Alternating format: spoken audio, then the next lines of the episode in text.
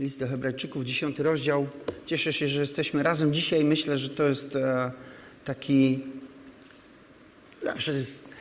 Myślę, że a, w jakikolwiek czasie byśmy nie byli, cokolwiek byśmy nie przeżywali w życiu, to powinniśmy e, mieć e, możliwość i umiejętność porozmawiać z kimś, kto jest większy od nas i kto może pomóc nam w tych rzeczach, które są dla nas za duże się odnaleźć. Amen?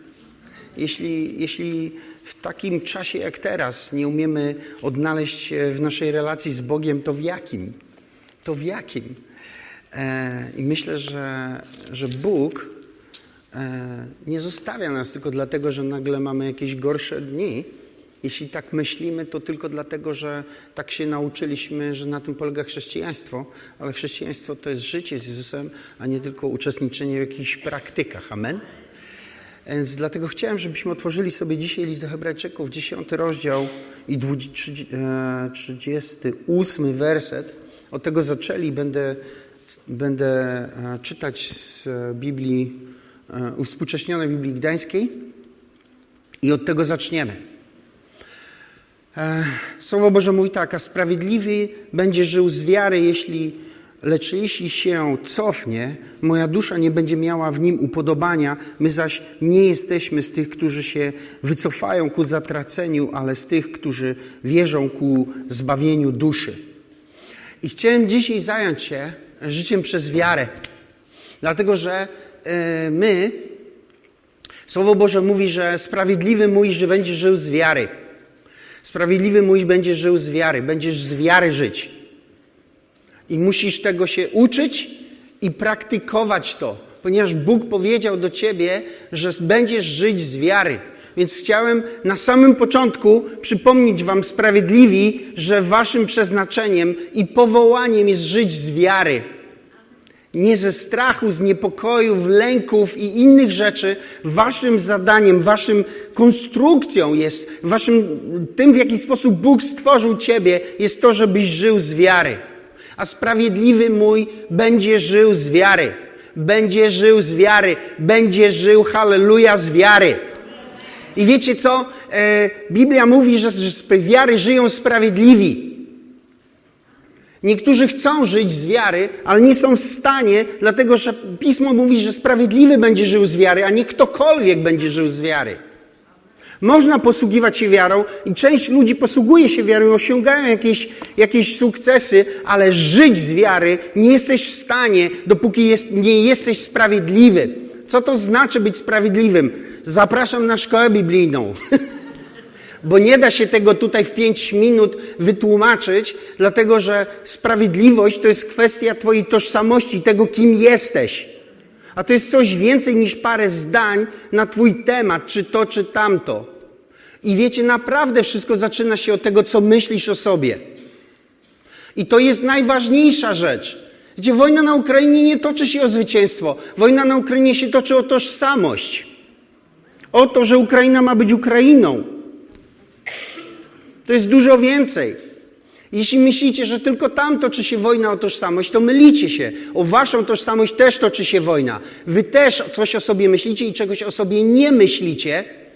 I to się zgadza albo nie zgadza z tym, co Bóg o was myśli, i według tego, co o sobie myślicie, tak żyjecie. Tak to wygląda. Jeśli myślicie o sobie, że jesteście sprawiedliwi, będziecie żyć z wiary. Jeśli nie myślicie o sobie jako o sprawiedliwych, nie będziecie żyć z wiary. Będziecie chcieli i nie będziecie mogli. Dlatego, że podstawą do życia z wiary jest to, że człowiek jest sprawiedliwy.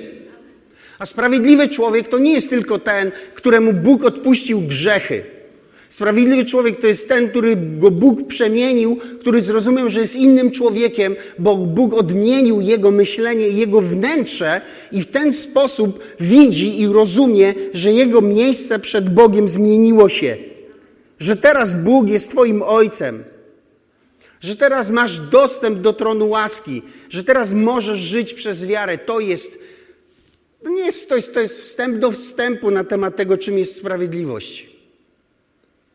Więc jeśli tu masz jakieś deficyty i braki, to je popraw. Jeżeli nie wiesz, czy jesteś sprawiedliwy, to być może musisz się narodzić na nowo. To być może musisz po prostu poznać Jezusa Chrystusa, który uczyni cię sprawiedliwym. Dlatego, że sprawiedliwym nie można się stać. Nie możesz sobie na to zasłużyć, zapracować, nie możesz tego zrobić, nie możesz w jakiś sposób tego osiągnąć. To się dostaje w prezencie od Boga. Halleluja. I Bóg chce, żebyś był sprawiedliwy i Bóg powołuje cię do sprawiedliwości, dlatego posłał Jezusa Chrystusa, żeby umarł za ciebie i żebyś żył według Jego zamysłu dla twojego życia, a nie według czyjegoś zamysłu dla twojego życia. Dlatego jest napisane, sprawiedliwy będzie żył z wiary i nie ma się cofać.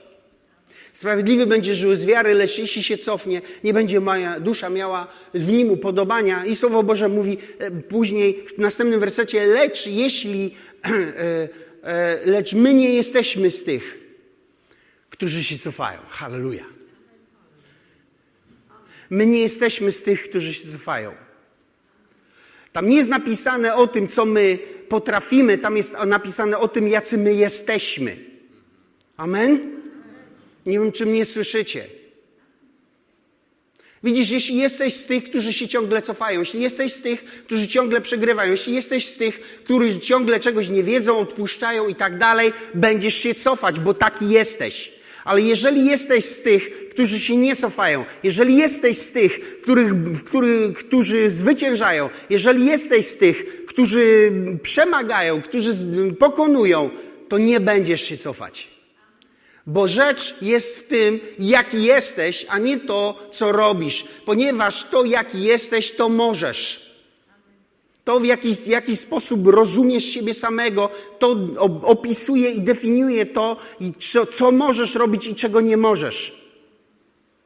Dlatego największa wojna Bóg do mnie mówi od 10 lat, że największa wojna toczy się o tożsamość, toczy się o to, co o sobie myślisz i dalej się toczy. Dlatego są wojny ideologiczne na świecie, dlatego są, e, wiecie, za nimi idą innego rodzaju, różne inne wojny i wszystkie inne mają to samo podłoże teraz. Zredefiniować, kim jest człowiek. Zredefiniować Ciebie, nazwać Cię po swojemu, dlatego że ten, który Cię nazwie, ten Tobą rządzi. Dlatego Bóg e, dał Adamowi władzę nad światem, bo pozwolił mu ponazywać zwierzęta. Więc nazwał królika królikiem i już nie da się od tego uciec. już nie będzie tygrysem. Nie ma szansy. Została nałożona na niego definicja i tak będzie żył. Myślę, że rozumiemy to. Amen. Więc sprawiedliwy mój z wiary żyć będzie. Będziesz, i wiecie, to jest sprawiedliwy mój z wiary żyć będzie, to jest albo zakon, albo łaska. Pamiętacie, Ewangelia Jana mówi, że zakon przyszedł przez Mojżesza, a łaska przyszła przez Jezusa. Pamiętacie? I to oznacza tak. Słyszysz dziesięć przykazań. Będziesz, będziesz, będziesz, nie będziesz, nie będziesz, nie będziesz, nie będziesz. I słuchasz i myślisz sobie tak. Albo to są przykazania, które cię zabiją, bo nie jesteś w stanie ich wykonać. Bo pół Pisma Świętego o tym mówi albo to jest obietnica. Halleluja. Wiesz, kiedy zakon, kiedy to przykazanie, którego nie da się znieść, zamienia się w obietnicę? Kiedy spotykasz Jezusa. Bo Jezus Chrystus sprawia, że to, co jest przykazaniem, staje się obietnicą. Jezus Chrystus sprawia, że to, co o Bóg, czego od Ciebie oczekuje, jest możliwe do wypełnienia. Dlatego go potrzebujesz. Potrzebujesz się spotkać z Jezusem Chrystusem, potrzebujesz go poznać, potrzebujesz się narodzić na nowo, ponieważ on odmienia Twoją naturę, odmienia Twoje myślenie i wtedy Ty stajesz się innym człowiekiem i to, co musisz, zaczyna się w to, co możesz i halleluja chcesz. Dlatego napisane jest sprawiedliwy mój z wiary żyć będzie. To jest obietnica. Ja traktuję taką obietnicę i chcę to traktować jako obietnicę. Amen. I myślę, że to jest taki wstęp. Sprawiedliwy mój będzie żył z wiary. Jest, pojawia się wtedy takie pytanie. Dobrze, jak ja mam żyć z wiary? Jak ja mam to zrobić? I wiecie, e, chciałem, żebyśmy otworzyli teraz inny fragment to jest e, w liście do Rzymian, list do Rzymian, 12 rozdział. Rzymian 12.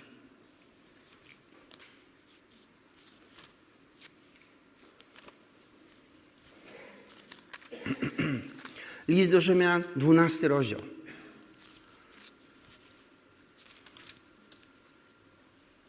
I trzeci werset. Mówię bowiem przez łaskę, która mi jest dana każdemu, kto jest wśród Was, żeby nie myślał o sobie więcej niż należy, ale żeby myślał o sobie skromnie, stosownie do wiary, jakiej Bóg każdemu udzielił. Święty Paweł pisze tu w ten sposób, że e, żebyśmy myśleli o sobie, to jest jakby przesłanie tego fragmentu, żebyśmy każdy myślał stosownie do tego, e, że nie więcej niż, niż e, należy i nie mniej niż należy. Amen? Bo wiecie, znam ludzi, którzy myślą o sobie za dużo, ale też znam mnóstwo ludzi, którzy myślą o sobie za mało. Są tacy i tacy.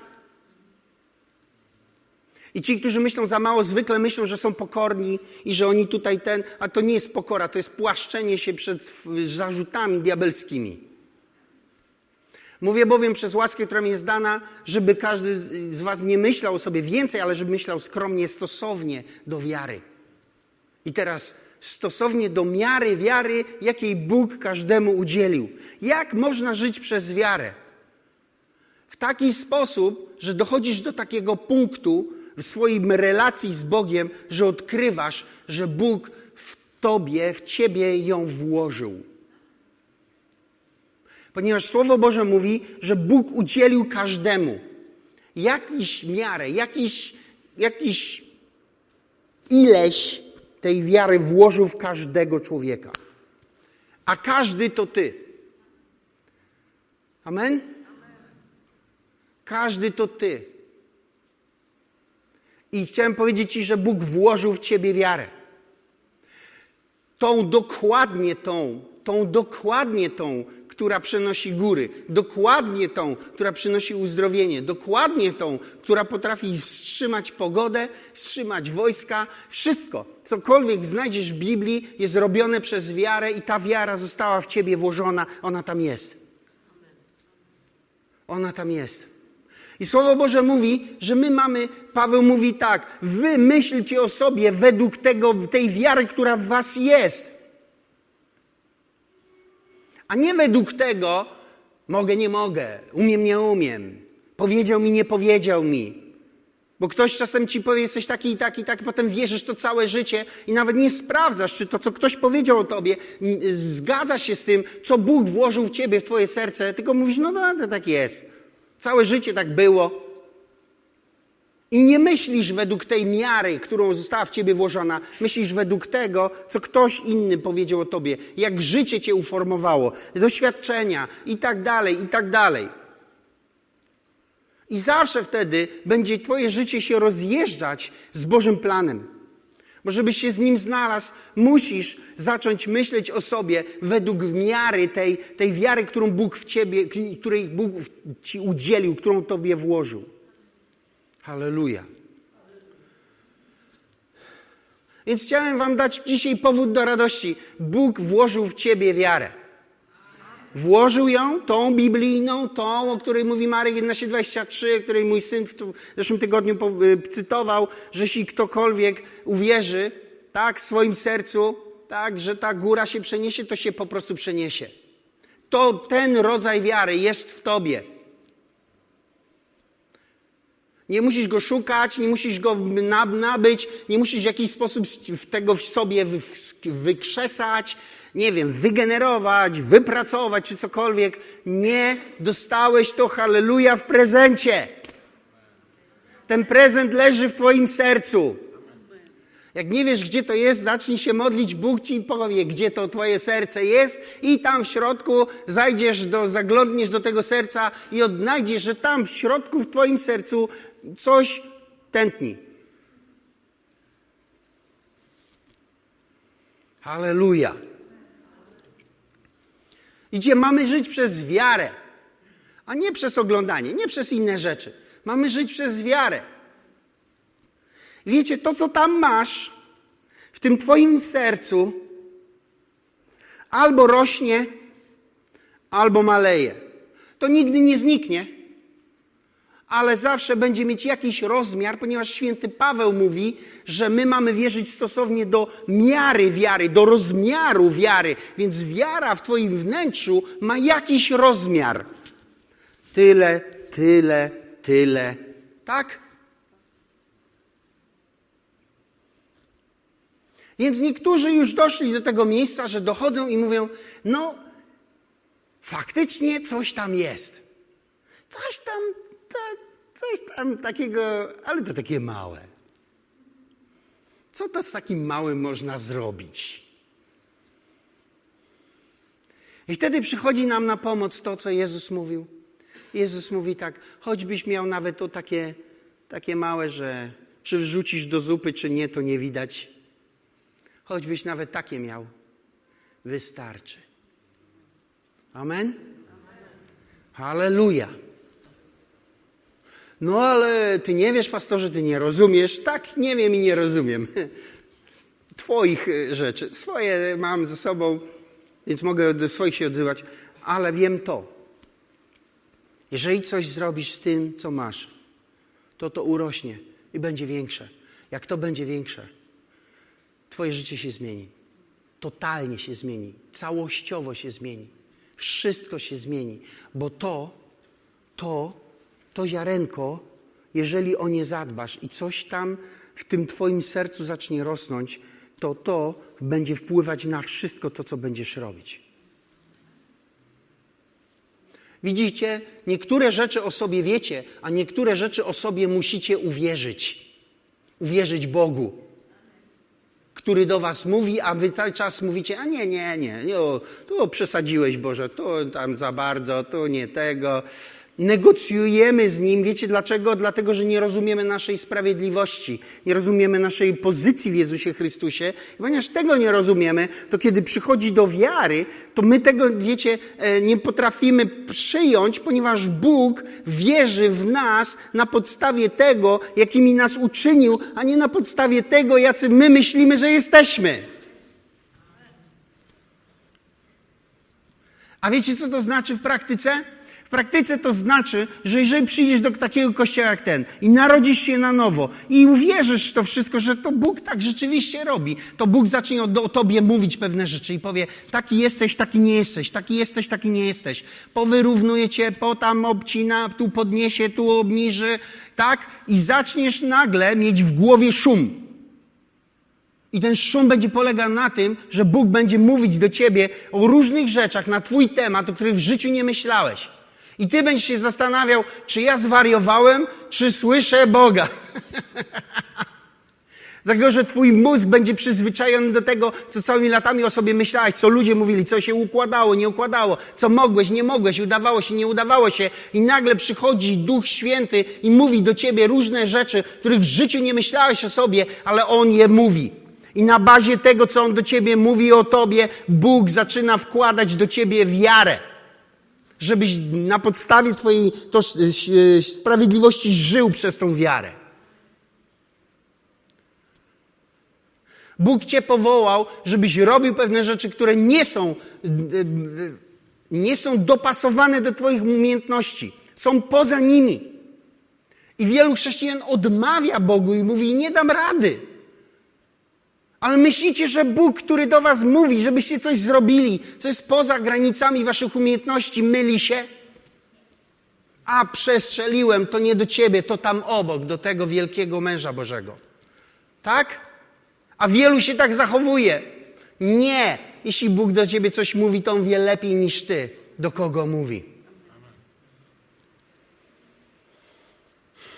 Więc chciałem powiedzieć, że każdy z nas ma jakąś miarę.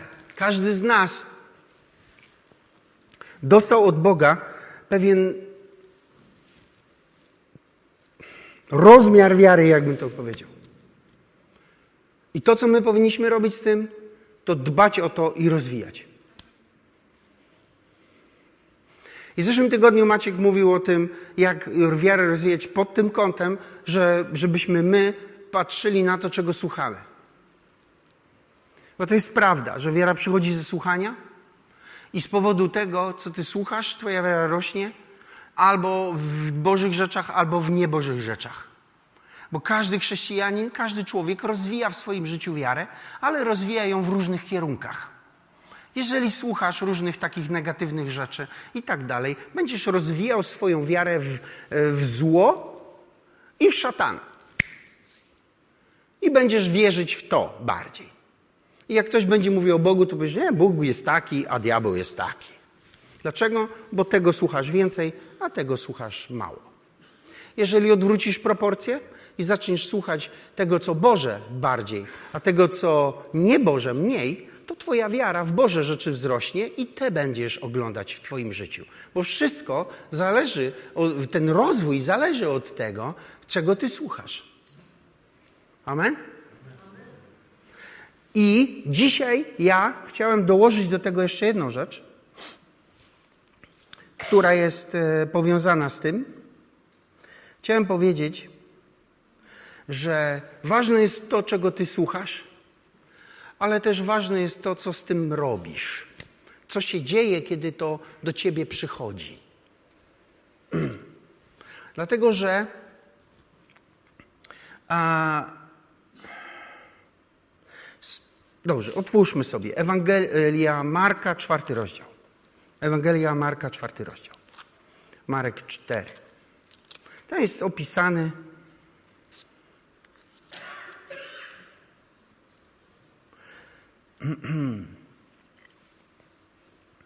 Cztery rodzaje gleby, Jezus mówi o sianiu, a potem to tłumaczy. I Ewangelia Marka, czwarty rozdział i dziewiętnasty werset mówi tak.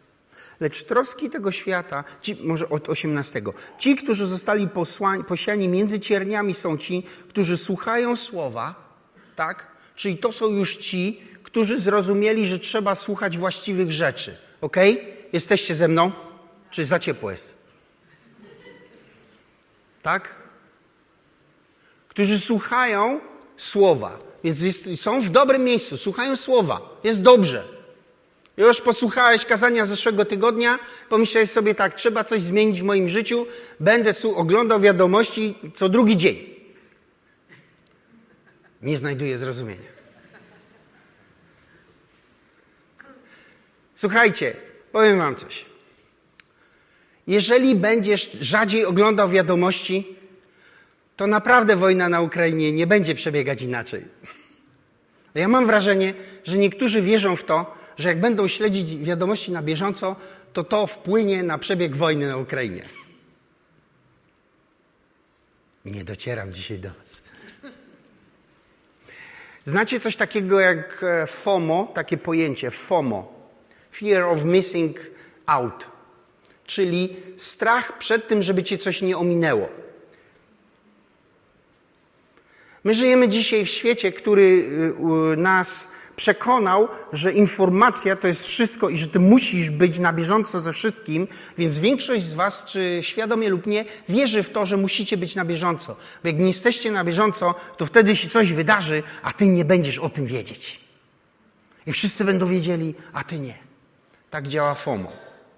To potem oznacza, że oglądasz nerwowo wiadomości i tak naprawdę ty myślisz, że oglądasz je dlatego, że chcesz się czegoś dowiedzieć, ale naprawdę to oglądasz je dlatego, że karmisz swój strach, że cię coś ominie, że ty się nie dowiedziałeś tego, a ktoś się dowiedział.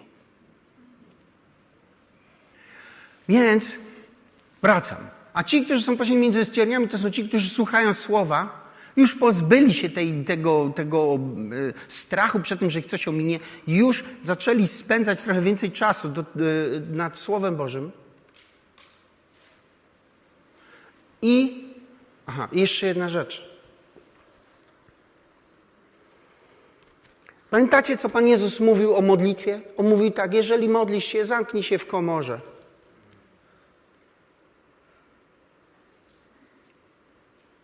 Powiem Wam coś. Chcecie naprawdę usłyszeć, co Bóg do Was mówi? Wyłączcie telefon, wyłącz komputer, wyłącz muzykę, wyłącz wszystko, schowaj się i bądź sam na sam z Nim. Bo, bez, bo te wszystkie hałasy zagłuszą Boży głos. Nie będziesz tego słyszeć. Będziesz słyszeć swoje lęki, będziesz słyszeć to, co próbujesz tymi, te lęki, czym próbujesz te lęki zagłuszyć. Nie usłyszysz go. Musisz się odciąć. Pierwsza rzecz, którą Bóg robi, kiedy idziesz się modlić do Niego, odcina cię. Jezus powiedział: Nie jesteście z tego świata. Jeżeli nie jesteście z tego świata, to co wy na tym świecie robicie ciągle? Jak chcecie wpływać na ten świat, jeżeli jesteście ciągle jego integralną częścią? Nie, musisz się od, od, odseparować. Co mówi Pismo Święte do nas? W Księdze Objawienia. Kto jest święty, niech się dalej uświęca. Tak? Wiecie, co to znaczy? Co to znaczy być świętym? Żyć bez grzechu? Nie, to nie ta, Kościół, nie ta teologia. Bycie świętym to bycie oddzielonym. I Pan mówi tak: kto jest oddzielony, niech się dalej oddziela. Oddziel się. Oddziel się. Jeśli chcesz wpływać na coś, najpierw się oddziel. Oddzielenie nie polega na tym, że wychodzę z domu, wrócę za tydzień, bo się idę oddzielić. To nie jest oddzielanie się, to jest ucieczka. Oddzielanie się polega na tym, że pozwala, żeby Bóg odciął od ciebie ten strach przed y, brakiem informacji, strach przed różnego rodzaju różnymi innymi rzeczami i ty nie jesteś już z nimi związany. Jesteś związany z Bogiem. To oznacza oddzielić się. Jesteś oddzielony, wtedy słyszysz. Nie jesteś oddzielony, też słyszysz, ale nie tego, kogo trzeba. Więc wracamy. Ci, którzy są posiani między cierniami, to są ci, którzy słuchają. Jest ok, słuchają słowa. Ale troski tego świata, łuda bogactw i pożądanie innych rzeczy zaobładają nimi. Tak? Zagłuszają słowo i staje się bezowocne. I teraz słuchajcie. Jest tak. Możesz rzucić ten dziewiętnasty werset? Dziękuję. Więc jest tak. Słuchałeś. Byłeś z Bogiem. Przekierowałeś się. I Bóg do ciebie mówi, a potem mówisz tak, ale to nie działa. Właśnie odpowiedziałem ci dlaczego. Dlatego, że troski tego świata Zajmijmy się tylko tym. Troski tego świata zagłuszają to, co Bóg do ciebie powiedział, tak, że to, co mówi Bóg do ciebie, nie dotyka twojej wiary. A twojej wiary dotykają te troski, jak ciernie, przychodzą i drapią twoją duszę. I boisz się, martwisz się, niepokoisz się, cały czas próbujesz znaleźć coś, jakieś wytchnienie, coś tam. I nie ma, i nie będzie. Bo jeżeli włożyłeś sobie ciernie do łóżka, to dopóki ich nie wyciągniesz z tego łóżka, będą cię kłuć. I te ciernie, o których mówimy, to nie są rzeczy, których można się fizycznie pozbyć. Musisz wykonać pewnego decyzji, że je odstawisz. Ponieważ jeśli tego nie zrobisz, to Słowo Boże będzie działać, ale nie u ciebie. Jak to zrobić?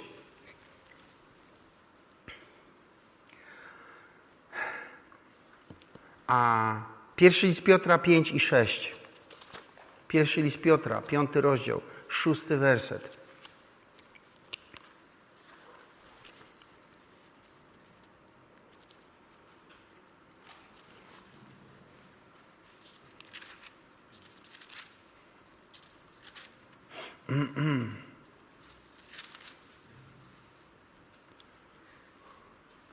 Uniszcie się więc pod potężną ręką Boga, aby wywyższył, aby was wywyższył w odpowiednim czasie. Wszystkie wasze troski przerzućcie na Niego, gdyż On troszczy się o was.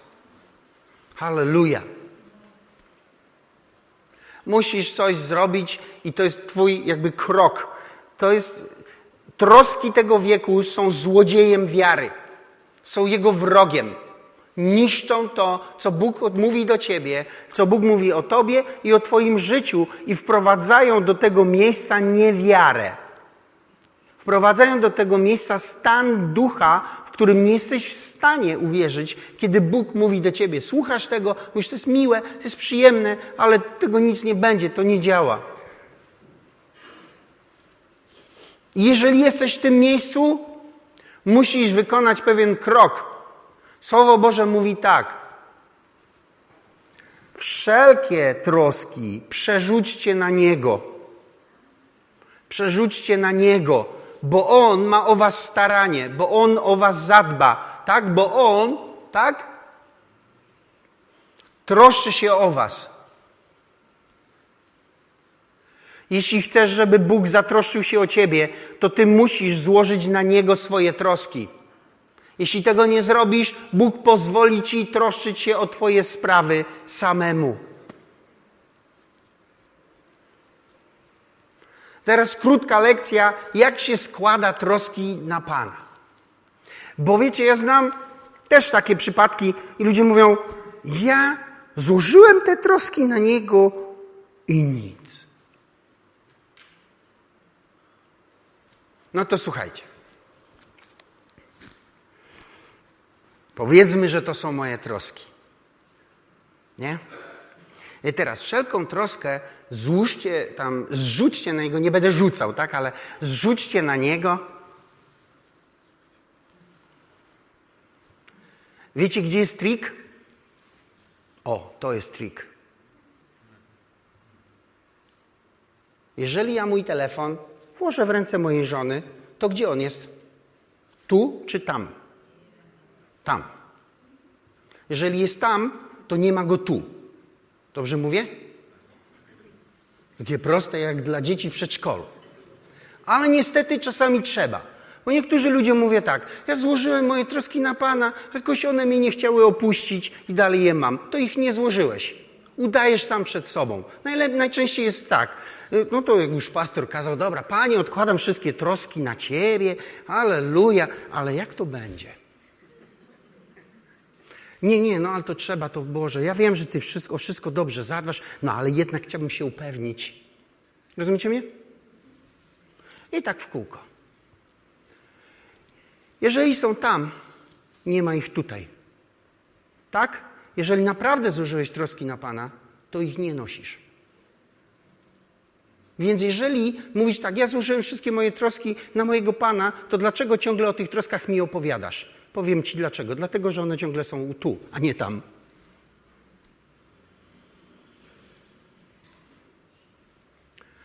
Tak? Dziękuję. I wiecie, jest jeszcze jedna rzecz. Wiecie, jak się zaczyna ten siódmy werset? Weź go, daj tam. Mam nadzieję, że jest tak samo więcej. No. Pierwszy Piotra 5, 7.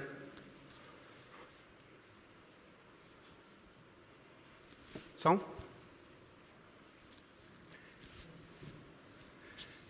Wszystkie.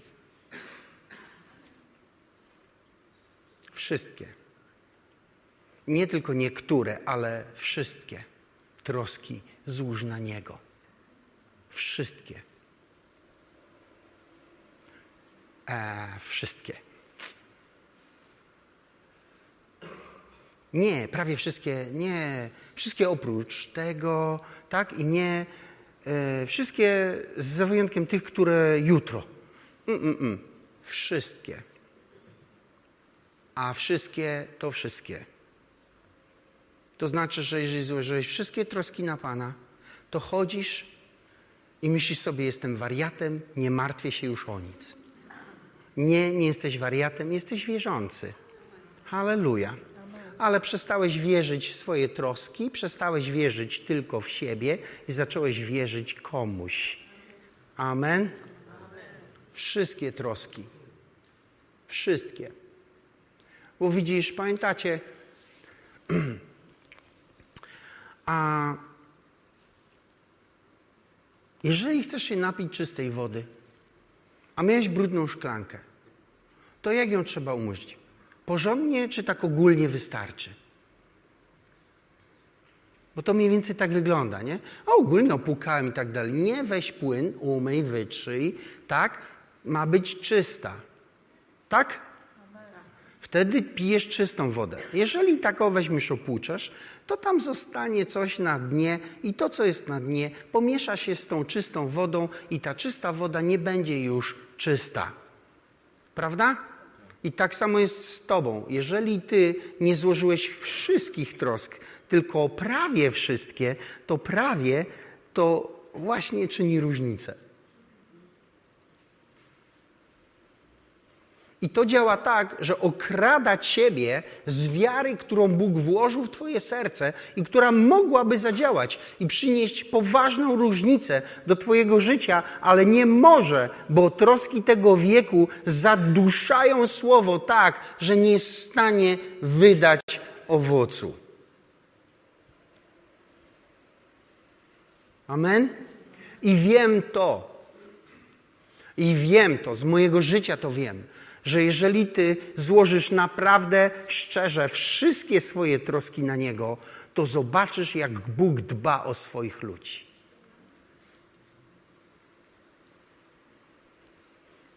Ale to ma być przełożone na Niego skutecznie. Jak jest tam, to nie ma tego tutaj. Nie? Jak On się troszczy, to nie Ty. I Ty musisz trwać w postawie zaufania do Boga i wiary Bogu i trzymać swoje sprawy tam. I wtedy Bóg ma prawo się nimi zająć w Twoim halleluja życiu.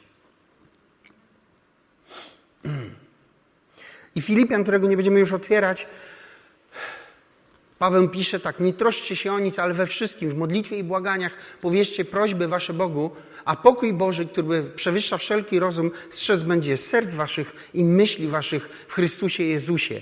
I mowa jest ty, o tym tutaj, że w momencie, w którym ty składasz troski na Pana, to nie tylko staje się to, że one już nie są Twoim udziałem i wiara może działać, ale przychodzi jeszcze jedna rzecz do Twojego życia. Przychodzi Boży pokój. I Boży pokój nie polega na tym, że wyciszę się, pomedytuję i wtedy po prostu będę wolny od tych wszystkich rzeczy. Nie będziesz wolny. Możesz się okłamywać, że jesteś wolny, ale nie będziesz wolny. Żadne medytacje na to nie pomogą. Bo wiecie, Bóg nas wyjął z tego świata, ale nas do niego potem z powrotem włożył. Tak? I my mamy żyć na tym świecie, natomiast my mamy nie być w interakcji z tymi rzeczami, które są w tym świecie. Jedynym sposobem na to, że ty nie, nie wchodzisz w interakcję, w te reakcje niewłaściwe, jest je to, że w Twoim sercu mieszka coś, halleluja, innego. I uważam, że to jest lepsze bo w Twoim sercu ma mieszkać pokój Chrystusowy, który rządzi Twoim sercem, i kiedy Ty słyszysz jakieś różne wieści, to Ty się nie boisz, dlatego że te wieści odbijają się od pokoju, który Bóg włożył do Twojego halleluja serca. Amen? Więc yy, a pokój Boży, który przewyższa wszelki razem strzec, będzie serc waszych i myśli waszych. I tam święty Paweł bardzo precyzyjnie to powiedział, bo on powiedział, że jeżeli ty złożysz swoje troski na Niego i będziesz naprawdę Jemu do końca ufać, to zobaczysz, że czasami nie będziesz wiedział, jak to będzie, ale będziesz wiedział, że będzie. I na tym wiara polega, moi drodzy. To karmi wiarę. Pokój Boży jest właściwym stanem ducha, w którym rośnie ten kawałek wiary, który Bóg w ciebie włożył. A na pewno nie troski tego wieku, na pewno nie zmartwienia, na pewno nie te wszystkie nerwowe, wiecie, informacje.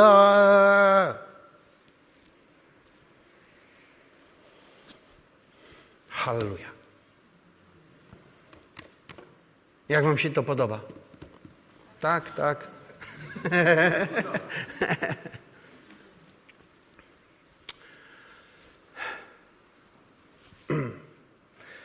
I jeszcze myślę o dwóch rzeczach.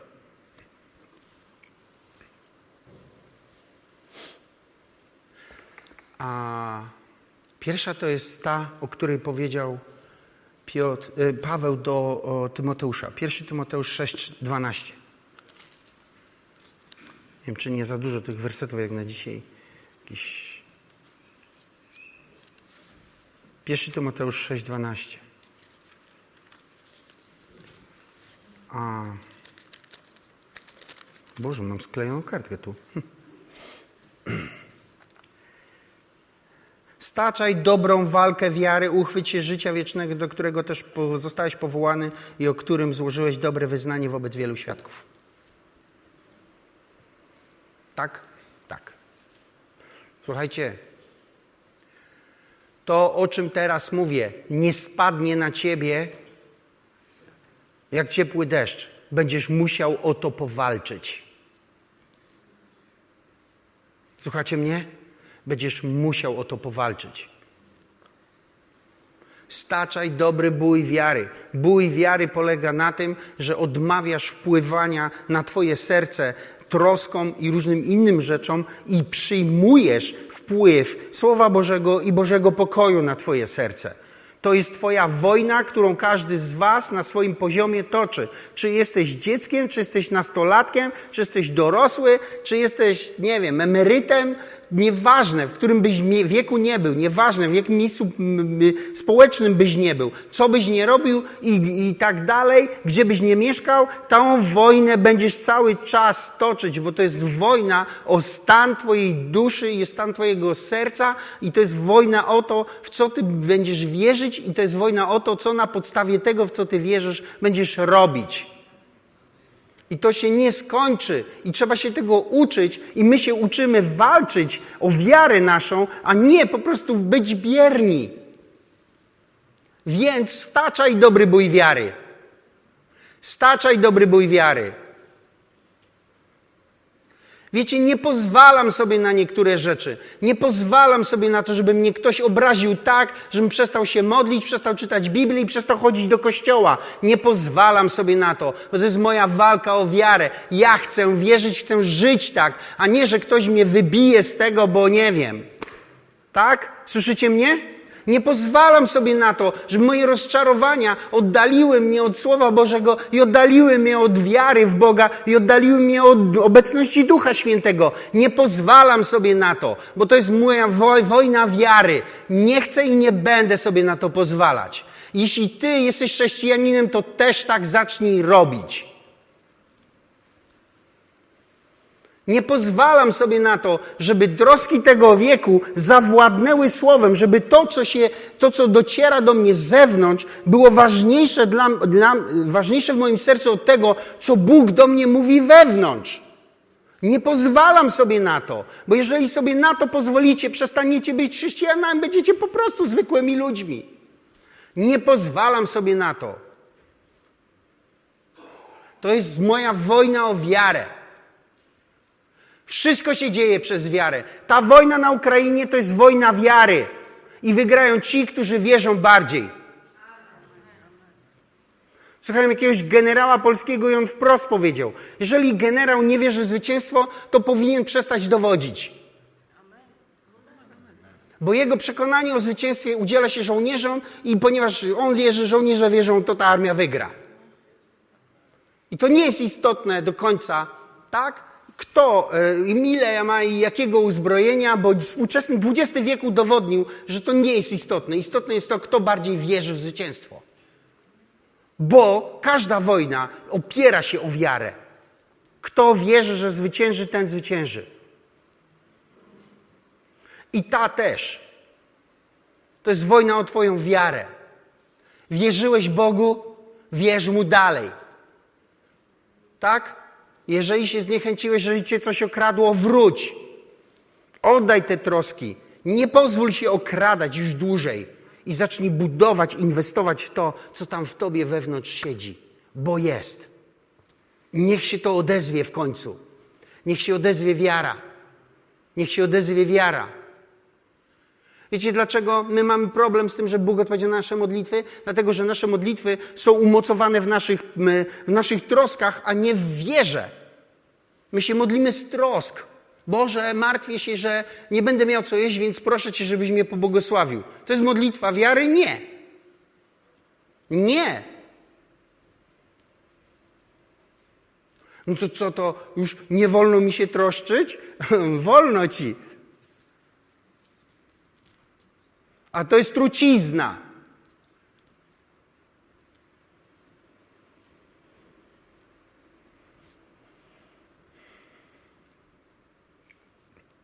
Kiedyś Amerykanie, bo oni wszystko badają, Zrobili takie badania i wiecie co wyszło? Że na 10 rzeczy, o które człowiek się martwi, 7 nigdy się nie wydarzy. Dwie z bardzo małym prawdopodobieństwem, jedna z dużym. Nie słyszycie mnie, mówię wam. Na 10 rzeczy, o które się martwisz, 7 możesz już wyrzucić do kubła, bo na pewno się nie, nie wydarzą, na pewno się nie wydarzą. One tylko w twojej głowie a, a, a, i to, i to, i to, i to, i to, i to. To tak weź sobie y, nożyczki i 70% odetnij od razu. Możesz wyrzucić do kubła. Wiecie, to jest straszne. Niektórzy ludzie wierzą w to, to się nie wydarzyło, bo się o to wystarczająco długo martwiłem. I ponieważ się martwiłem, to się nie wydarzyło. Na 10 rzeczy, o których, którymi się przejmujesz, 7 się nie wydarzy. Dwie wydarzą się z małym, małym prawdopodobieństwem. Nie wiem, czy mi słyszycie, to co znaczy. W naszej głowie w większości przypadków zajmujemy się rzeczami, które nie mają znaczenia. Zamiast zająć się w tym samym czasie czymś, co miałoby znaczenie. I wiecie co, dobrze, no tak, tak, pastorze, no mówisz tu o wierze, ale wiesz, trzeba zarabiać pieniądze i tak dalej, trzeba żyć jakoś, trzeba tu, nie wiem, komuś pomóc. Jak... No fajnie, ale to wszystko dalej zaczyna się od twojej wiary. Pracujesz tam, gdzie pracujesz, dlatego że wierzysz, że możesz tam pracować. I zarabiasz tyle, ile zarabiasz, dlatego że wierzysz, że to jest Twój poziom zarobków. Jeżeli przeniesiesz swoją wiarę na wyższy poziom zarobków, będziesz zarabiać więcej, bo Twoje życie będzie podążać za Twoją halleluja wiarą, a Bóg stanie za Tobą, żeby doprowadzić do tego, żeby to, w co wierzysz, wydarzyło się. Jestem okropny, bo ja wiem, co ja mówię. Poszedłem kiedyś do pewnej siostry modlić się o jej biznes. I mówię, słuchaj, jak ci się kręci? Ona mówi tam, no fajnie, mam takie obroty, dwa tysiące, przydałoby się więcej. Ja mówię, dobra, to będziemy się modlić, żeby twoje obroty podskoczyły. O ile? Ona mówi, no dwa i pół. A ja mówię, a dlaczego nie cztery? Ona, zwariowałeś? Ja ledwo dwa i pół łapię. A ja mówię do niej, słuchaj, a jaka jest różnica między modlitwą o dwa i pół, a o cztery? Jaka? Żadna. I tam tak patrzyła na mnie i mówi, no dobra, pomodliliśmy się. Zadzwoniła do mnie na koniec tygodnia i mówi, zgadnij, jakie miałam obroty.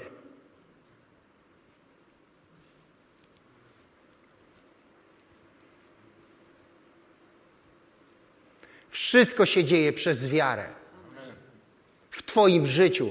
A jeśli jesteś wierzący, to Bóg dał Ci tą możliwość, żebyś odzyskał kontrolę na tym, w co wierzysz i ukierunkował ją tam, żeby Twoje życie zmierzało w Twojej wierze tam, gdzie Ty chcesz. Halleluja!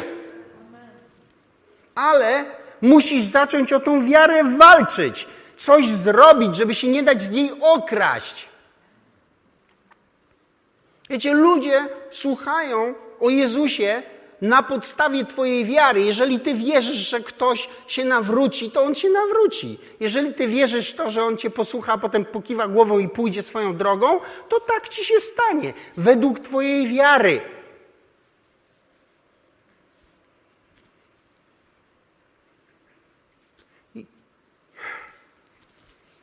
Boję już powiedzieć coś.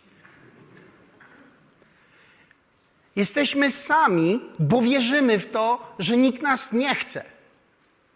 Jeżeli zmienisz to przekonanie i uwierzysz w to, że jest na tej ziemi ktoś, kto cię chce, to się ten ktoś pojawi. I najprawdopodobniej w większości przypadków tak jest, że ten ktoś jest wokół Twojego życia, ale Ty jesteś ślepy, bo zaślepia Cię Twoja własna wiara. Tak samo jest ze zdrowiem wierzysz w to, że musisz być chory, więc jesteś chory. Jeżeli zmieni się to w tobie i zaczniesz wierzyć w to, że będziesz zdrowy, to to się zmieni i będziesz zdrowy. To się odwróci. Bo Twoje życie dopasuje się do Twojej wiary, bo Biblia mówi, że sprawiedliwy będzie żył, halleluja, z wiary.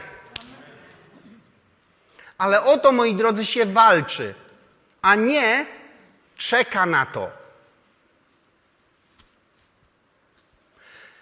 I już nie chcę tych przykładów powtarzać, tak? Więc to zostawmy. E, ale jeśli pozwolicie, nie wiem, z, z, z, dacie radę jeszcze coś? Jeszcze jedną rzecz? Jeszcze jedną rzecz. Ta ostatnia rzecz jest dla tych, którzy są dłużej w Panu. Także nie wiem, czy wy słyszeliście to, zwalniam niektórych z was, nie musicie tego tak by przyjąć. Rzymian 4.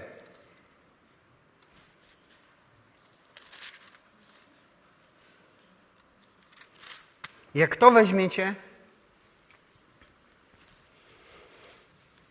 to się spodziewam rewolucji. Takiej pozytywnej. Znaczy dobra, nie zmiany, bo już mówiłem, że rewolucja to nie, tak muszę się trzymać tego, że być konsekwentnym. Ok. Rzymian 4,18 mówi tak o Abrahamie. Abraham, nasz ojciec wiary, tak? On to wbrew nadziei, mając nadzieję, uwierzył, że stanie się ojcem wielu narodów według tego, co mu powiedziane. Takie będzie Twoje potomstwo. Są ludzie, którzy mieli nadzieję i ją stracili. Bo nadzieja jest podstawą naszej wiary. Bo my wierzymy w to, w co mamy nadzieję. Najpierw chcesz coś, pragniesz, czego tęsknisz do tego, potem zaczynasz w to wierzyć. Upraszczając, tak to działa. Więc czytamy tutaj o tym, że Abraham tą nadzieję stracił. Tak? Słyszycie mnie? I kiedy on stracił swoją nadzieję, i to czytamy, bo on tam chciał e, tam przekazać kuzynowi to, co miał i tak dalej, nie wchodzę w to. Już zostawmy. Abraham stracił swoją nadzieję. Ale przyszło słowo od Boga. I Biblia mówi, że Abraham zaczął wierzyć wbrew swojej nadziei. Wbrew temu, co w nim się działo. Chcę Wam powiedzieć, moi drodzy, jeśli jesteś dłużej trochę już do tego miejsca doszedłeś, że można uwierzyć Bogu wbrew Twoim przekonaniom serca. Abraham wbrew nadziei uwierzył. Dlatego, że dostał od Boga nową nadzieję. I to działa tak, że wierzyłeś w coś, rozczarowałeś się, zapadłeś się i przychodzi Bóg i wzbudza nową nadzieję, i ta nowa nadzieja stoi w kontrze do tej starej, która umarła. I toczy się wojna w tobie. Czy ty uwierzysz w to, czy ty będziesz się trzymać tego? I chcę Ci powiedzieć, że można wbrew nadziei uwierzyć w nadzieję. Halleluja. I jeśli to weźmiecie, to będziecie w stanie złamać ten stan ducha, w którym człowiek staje czasem i mówi: To już koniec, już tam pagibło, umarło, już się zapadło, wszystko już nic więcej nie będzie. Nie u Boga nie u Boga. Pamiętacie, mówiłem. Dla nas może być za późno, ale dopóki dla Niego nie jest za późno, to nie jest za późno. Wbrew nadziei uwierzył. Jeśli to słyszysz, wbrew nadziei, nie ma podstaw, nie ma nic. Nie ma po prostu już nawet, nawet próby wszystkie upadły i tak dalej, ale Bóg przychodzi ze swoim słowem i mówi: Będziesz miał syna. I Abraham uwierzył mu i wbrew swoim nadziejom, które miał do tej pory, uwierzył i wbrew temu wierzył, skonfrontował się przeciw, na, przeciwko tym rzeczom, które w nim były i, i stało się to, co Bóg mu obiecał. Halleluja. Powstańmy. Ojcze, dziękuję Ci za ten dzisiejszy dzień i dziękuję Ci, Duchu Święty, że pobudzasz naszą wiarę i zachęcasz nas do tego, żebyśmy według wiary żyli. I dzisiaj a powierzamy się Tobie i modlę się, Duchu Święty, żeby to słowo dzisiaj poruszyło wiarę w sercach Twojego ludu, tak, żebyśmy zaczęli być tymi, którzy wierzą i, i poruszają się i działają według wiary.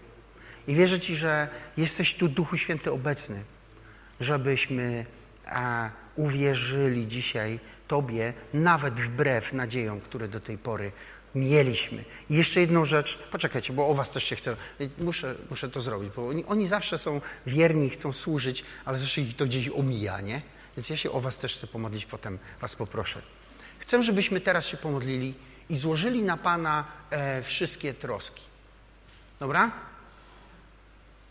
Dobra?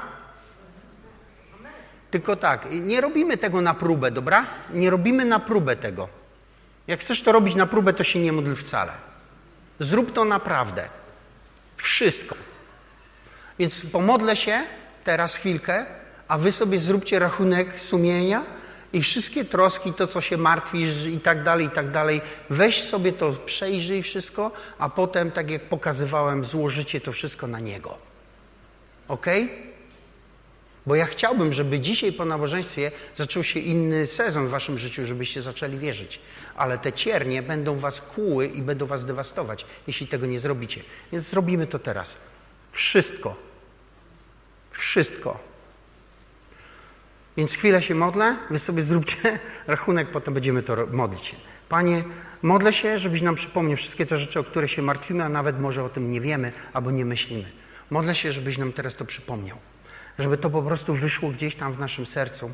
Nawet jeśli tego nie, nie ponazywamy, nawet jeśli tego nie, nie wiemy do końca, ale w naszym sercu rozeznajemy, co jest naszą troską, z czym, co, co my ciągle jeszcze martwimy się, troszczymy i tak dalej. Prosimy Cię, Duchu Święty, wydobądź to z naszego serca. My chcemy po prostu, żeby to wyszło na wierzch, bo chcemy Ci to teraz oddać. Panie, wszelką troskę złóżcie na Niego.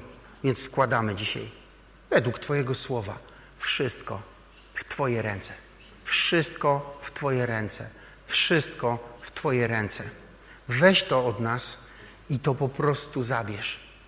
I prosimy Cię, żeby na to miejsce wszedł Twój pokój, który będzie rządzić naszymi sercami i naszymi myślami. W imieniu Jezusa Chrystusa. Amen.